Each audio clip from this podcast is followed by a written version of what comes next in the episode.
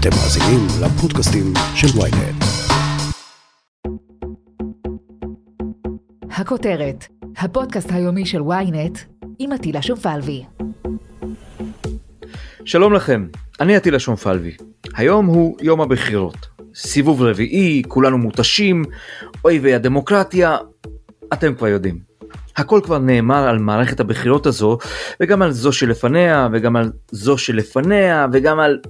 בקיצור, הדברים ברורים. אז חשבנו שבפרק הזה נעשה מסע בזמן, ונטייל קצת בין מערכות בחירות שנערכו כאן לפני הרבה הרבה שנים. האם באמת הכל היה אחרת? האם אלו באמת הבחירות הגורליות בתולדות האומה? האם הקרע בעם זו המצאה של בנימין נתניהו? האם האלימות הפוליטית נולדה רק בשנים האחרונות? איך כל זה קשור לבן גוריון, לבגין, לפרס, לרבין, לשמיר, לשרון ולכל שאר השמות שכולנו מכירים? דוקטור חזי עמיור, עוצר אוסף ישראל בספרייה הלאומית שלנו, הסכים להכניס אותנו לקפסולת הזמן המיוחדת שלו. אנו מכריזים בזאת על הקמת מדינה יהודית בארץ ישראל. היא מדינת ישראל.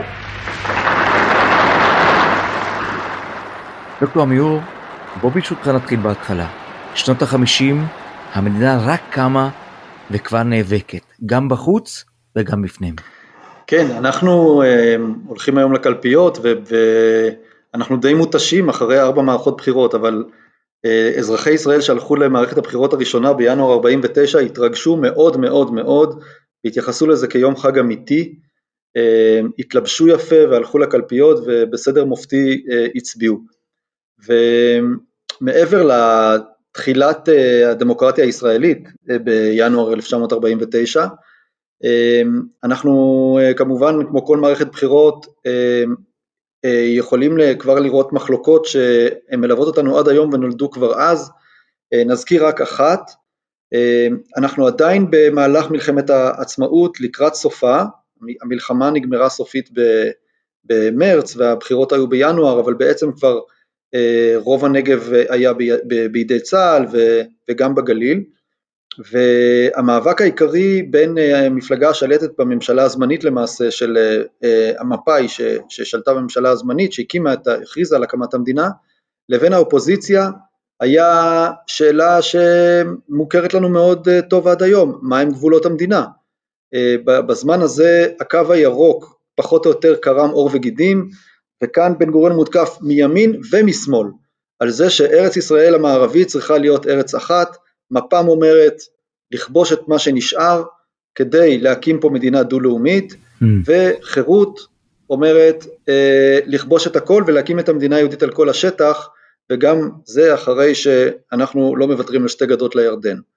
ולמעשה מאז ועד היום הקו הירוק מלווה אותנו, גם המחלוקת על הקו הירוק. אה, זאת סוגיה עם שורשים עמוקים יותר, כמובן חוזרת אחורה גם לתוכנית החלוקה, אבל הקו הירוק נולד, נולד בערך אז ב, ב, סביב מערכת הבחירות הראשונה, ואחרי שהמדינה קמה אה, היא מתמודדת עם, המש... עם האתגר העיקרי של אה, קליטת עלייה בהיקפים אדירים, כידוע אוכלוסיית המדינה הכפילה את עצמה כל כמה שנים, והמחלוקת אה, העיקרית, וגם זה יישמע לנו לא זר לגמרי, היא מחלוקת בין בן גוריון לבין בני, בעלי הברית שלו במפלגות הדתיות, כי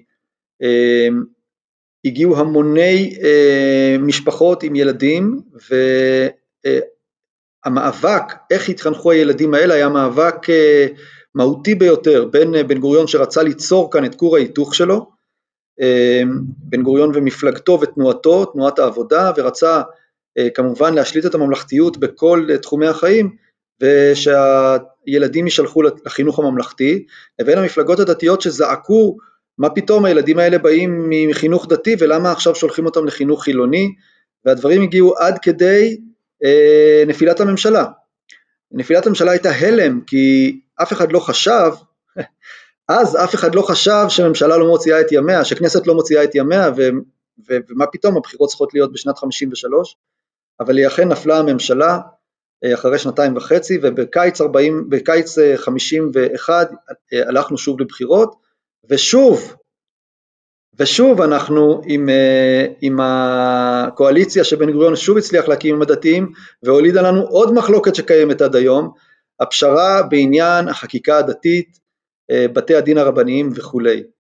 דת ומדינה, הרבה ויכוחים בתוך המדינה הצעירה הזו, ובעצם אנחנו נכנסים לתוך שנות החמישים כאשר הנרטיב מתחיל להיות יותר ויותר קשוח, נכון? קשוח מאוד, המחלוקות מתחדדות מאוד, רושם אה, מלחמת העצמאות שכולם נלחמו בה ביחד, נניח ביחד, אה, אצל, אה, לא שכחו, חירות לא שכחו את פרשת אלטלנה, אבל המדינה מתבססת ו, ו, וצה"ל הולך ונבנה והמחלוקות הפוליטיות מתחדדות, אנחנו יודעים שבזמני שלום אז המחלוקות הפוליטיות מתחדדות יותר ו, וכאן יש כמה חומרי נפץ של ממש לאורך שנות החמישים.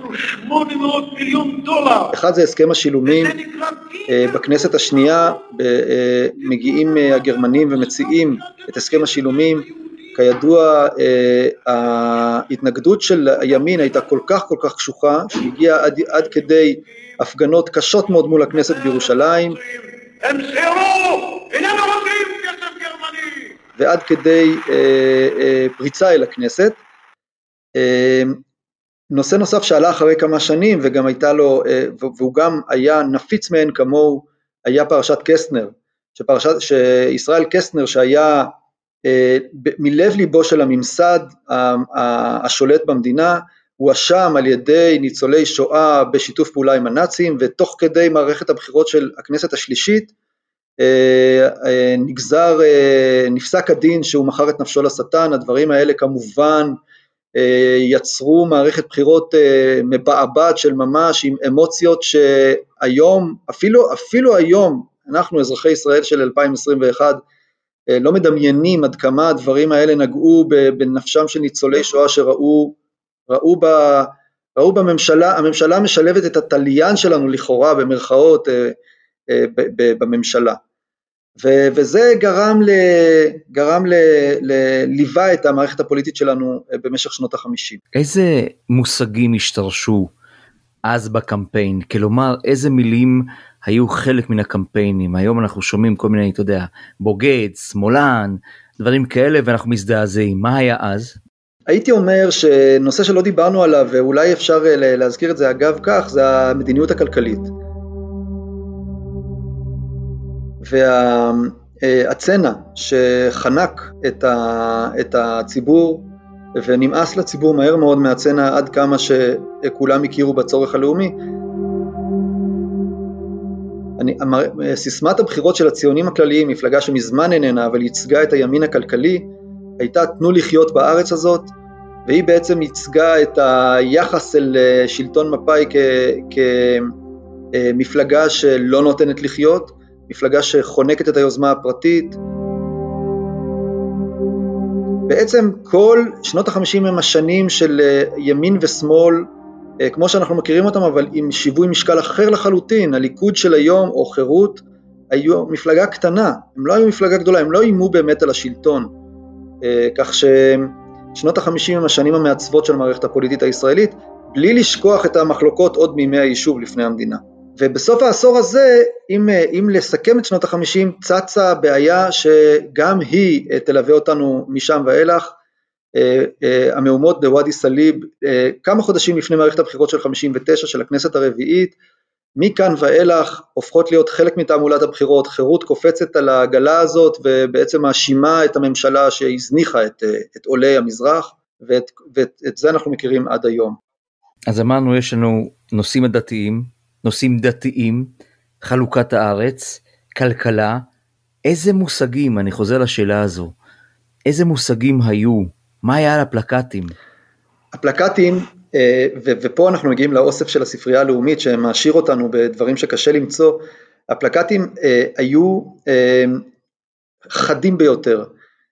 לדוגמה, בגין מצויר בכרזות של מפא"י בתור אדם פרוע יש כרזה, אני יכול לתת, לתת דוגמה, לנסות לתאר אותה, של בגין רוכב, כולו רושף, רושף גיצים, רוכב על סוס, סוס נדנדה.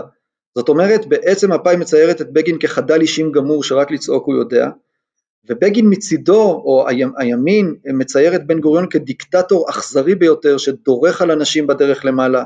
הפרוטקציוניזם של מפא"י אה, צויר בצורה אמ, אכזרית ביותר של דיכוי של אנשים שחיים בתוך שמנת לעומת עולים שחיים בשיכונים, בשיכונים עלובים, בלי טיפה של פוליטיקלי אה, קורקט ובלי טיפה של רחמים, זה, זה דברים ש, שאנחנו, טוב שאנחנו לא, לא מתגעגעים אליהם.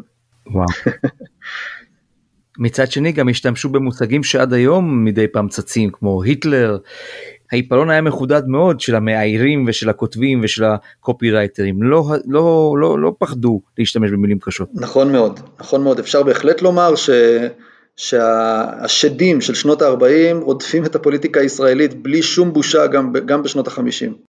מדהים. בוא נרוץ קדימה, שנות החמישים מאחורינו, קופצים, מדינת ישראל כבר לא כל כך צעירה, זאת אומרת היא כבר לא תינוק, היא כבר יוצאת מהצנע, שנות השישים מתחילות לנוע, ואנחנו נכנסים לתקופה קצת אחרת. מה קורה בשנות השישים? שנות השישים זה, זה העשור היותר רגוע של ההתייצבות, גם הכלכלית וגם הדמוגרפית, אה, ובעצם זה מסומל בזה שהצל הפוליטי העיקרי של שנות ה-60, לפחות המוקדמות, היה דבר שקשה להבין אותו עד היום.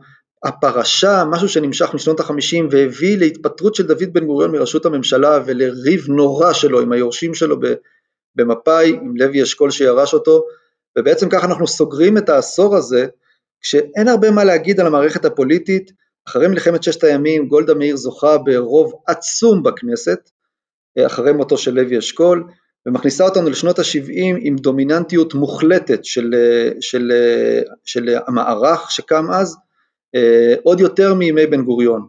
זאת אומרת כל תנועת העבודה כמעט כולה תחת כנפיה של גולדה, מנהלת את המדינה ללא מיצרים, כמובן עד מערכת הבחירות הבאה, שהייתה המערכת הבחירות היחידה בתולדותינו שנדחתה, תוך כדי מערכת הבחירות, שהיא כמובן הייתה מערכת הבחירות של 73. בסמוך לשעה שתיים אחרי הצהריים, פתחו צבאות מצרים וסוריה בהתקפה נגד ישראל. הם ערכו סדרה של תקיפות מן האוויר. ועל זה אני רק רוצה לומר, אנחנו יודעים ש, שזאת מערכת בחירות שהייתה תחת ההלם, הייתה ב-31 בדצמבר 73, תחת ההלם של המלחמה, אבל אנקדוטה אחת, רלוונטית מאוד. אריק שרון שהיה האיש שהכריע את המלחמה בשדה הקרב, היה גם האיש שהקים מפלגה כמה חודשים לפני המלחמה, הקים את המפלגה שהייתה עתידה להתמודד בבחירות, את הליכוד, ומהשדה הפוליטי הלך אל שדה הקרב, ואפשר לומר לא הצליח להוון את הניצחון בשדה הקרב לניצחון בשדה הפוליטי, אלא אה, זה המשיך לדגור במשך ארבע השנים הבאות, כמובן ועדת אגרנט שהפילה את, שגולדה גרמה לגולדה להתפטר, ואנחנו מגיעים למערכת הבחירות הכי גורלית בתולדות המדינה, אה, המהפך של שנת 1977. 77 זו שנה כמובן עם המון קונוטציות היסטוריות, מדינת ישראל כולה במובנים מסוימים משנה כיוון. האם מערכת הבחירות הזאת הייתה בעצמה באופן יוצא דופן אלימה, ארסית? חשו את הקרע כבר אז או שעוד לא? אה, המערך היה מוכה. אה, לא רק אה, אה, הרושם המתרחק קצת של מלחמת יום כיפור והמחדל והקורבנות, אלא מה שקראו אז הקלקולים בממשלה של יצחק רבין, ההתפטרות של רבין ואחר כך פרס שיורש אותו לקראת הבחירות עם יריבות קשה מאוד ביניהם, ויחד עם זה עולה מנחם בגין שמצליח לגייס לליכוד את עדות המזרח, ובעצם זה לא שהמהפך לא היה צפוי בכלל, אבל uh, בגין פשוט uh, לקח את הבחירות האלה כשמולו uh, היריב לא ממש התייצב. משהו קרה בישראל. העם הזה הוא עם חכם ונבון. הוא יודע מה הוא עושה. הוא יודע מה הוא מחליט. אתם הייתם משוכנעים שאתם תרכיבו את הממשלה.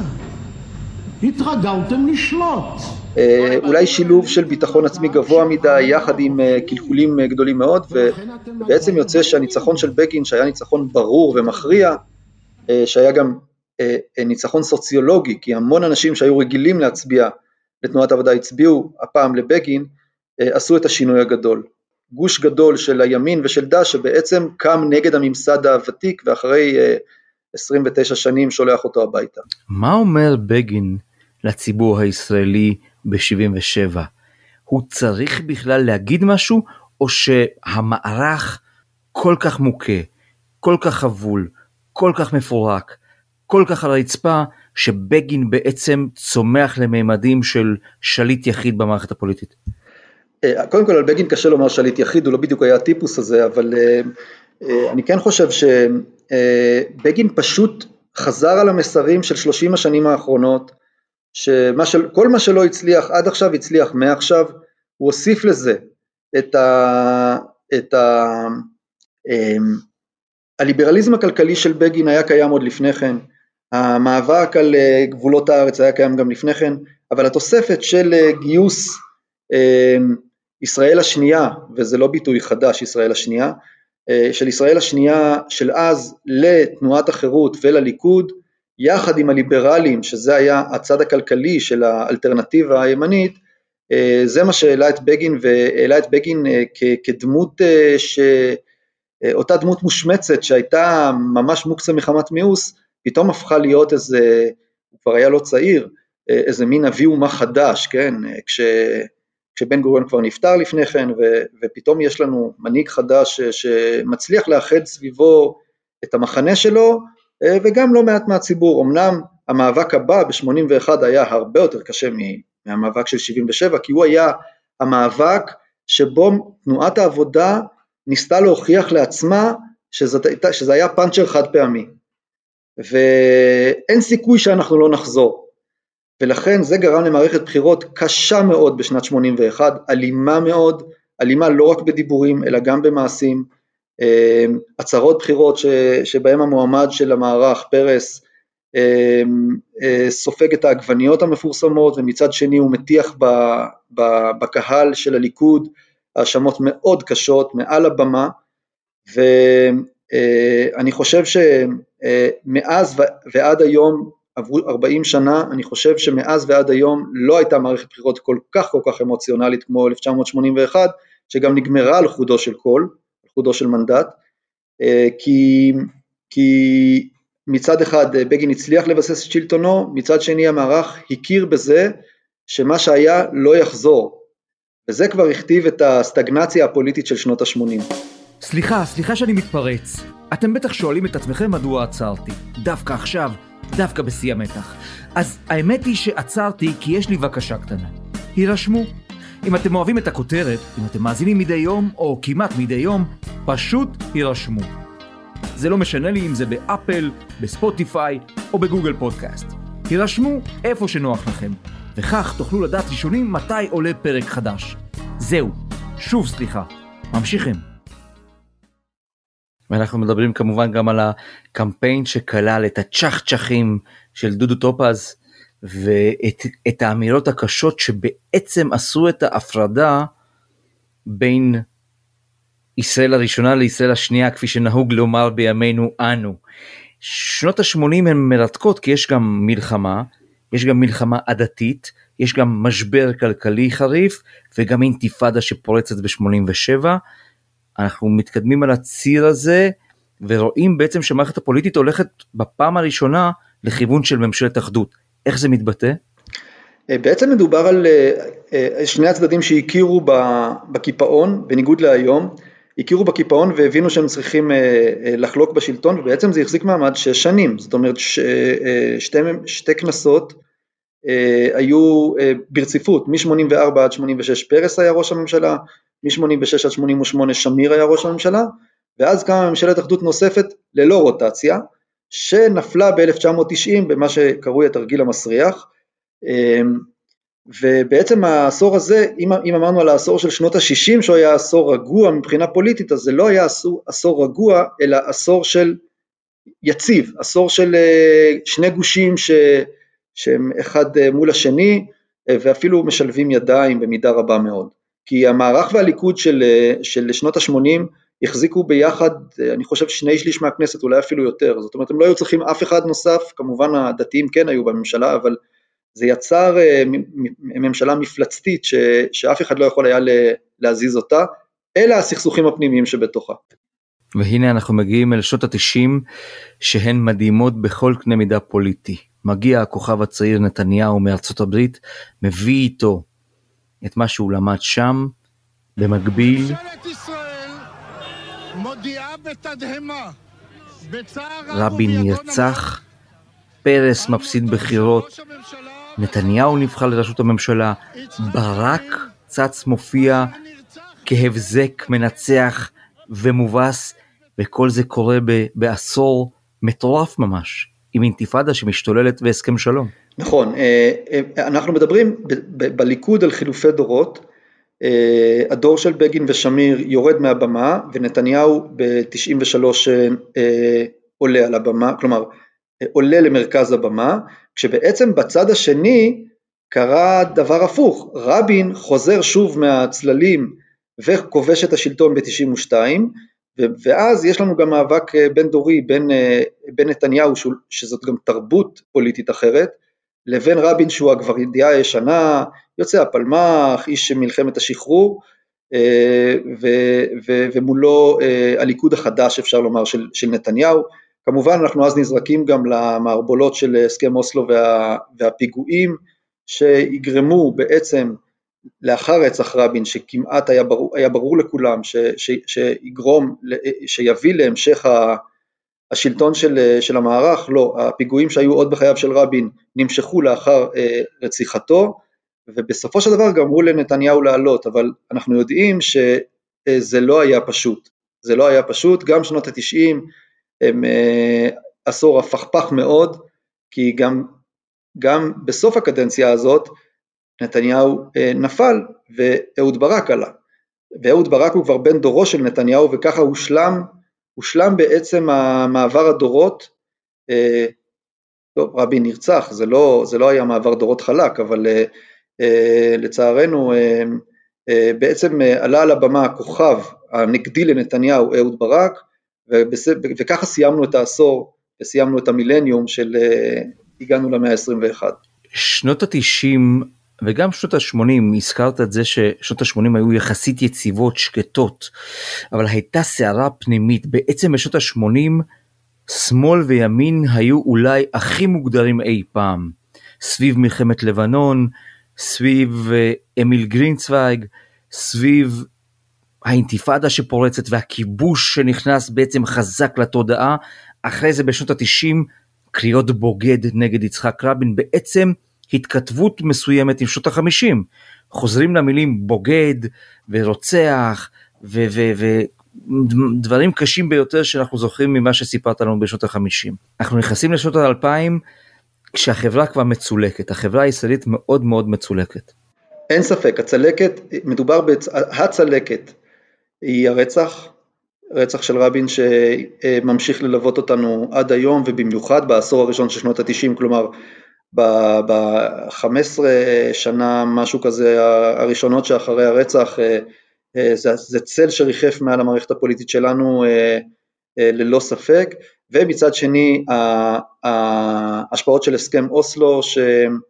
ואחר כך של האינתיפאדה השנייה והמשאים ומתנים המדיניים שהיו גם בגולן, גם עם ערפאת, הגדירו מחדש את הפוליטיקה הישראלית כפוליטיקה של חזרו לחיות על סכינים, זאת אומרת בעצם חזרנו לחרדות קיומיות ול, ולהאשמות פוליטיות קיצוניות מאוד משני הצדדים, כלומר מצד אחד השמאל מאשים את הימין בהרס השלום והימין מאשים את השמאל בוויתור על ארץ ישראל ובמרחץ דמים, כשבעצם אנחנו כבר מתקרבים לימינו ואפילו הנפשות הפועלות הן כבר, כבר אותן נפשות פועלות, אבל הייתי אומר שעד עלייה מחדש של נתניהו עדיין לא הייתה, נתניהו הוא האיש ששכלל את המיומנות הפוליטית של הימין לרמות שהכרנו מהשמאל דווקא, זאת אומרת אנחנו היום נמצאים במצב של מהפך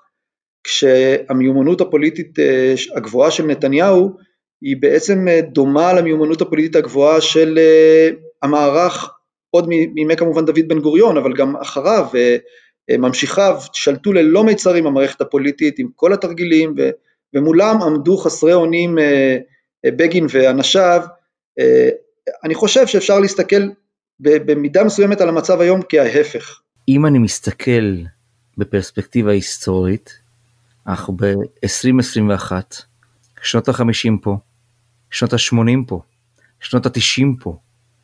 הרבה מאוד מן הנושאים שליוו אין ספור מערכות בחירות עדיין כאן, ובעצם היום הם פשוט מוגדלות על ידי הרשתות והשיח הסוער, אבל אותם נושאים, ולפעמים גם אותו שיח, לא הרבה השתנה, אם מסתכלים בפרספקטיבה היסטורית. נכון, יש, מה שאתה אומר הוא נכון, אה, יש דברים שחיים איתנו אה, כל השנים, אה, מהעליות הגדולות של תחילת שנות החמישים עד היום יש לנו את הפער העדתי, את השסע העדתי, כל פעם קראו לזה בשם אחר, אבל למדנו לאחרונה שזה חי ובועט, אבל אני, ו, וכן הלאה, דברים נוספים, המחלוקת על הדמות הדתית של המדינה, הפרדת הדת מהמדינה, וכמובן חלוקת הארץ או לא, אבל צריך לזכור שיש דברים שהיו מאוד מאוד דומיננטיים בשנות החמישים נניח, אמ, זה לא ייאמן, אבל במערכות הבחירות של 1949 ו-1951,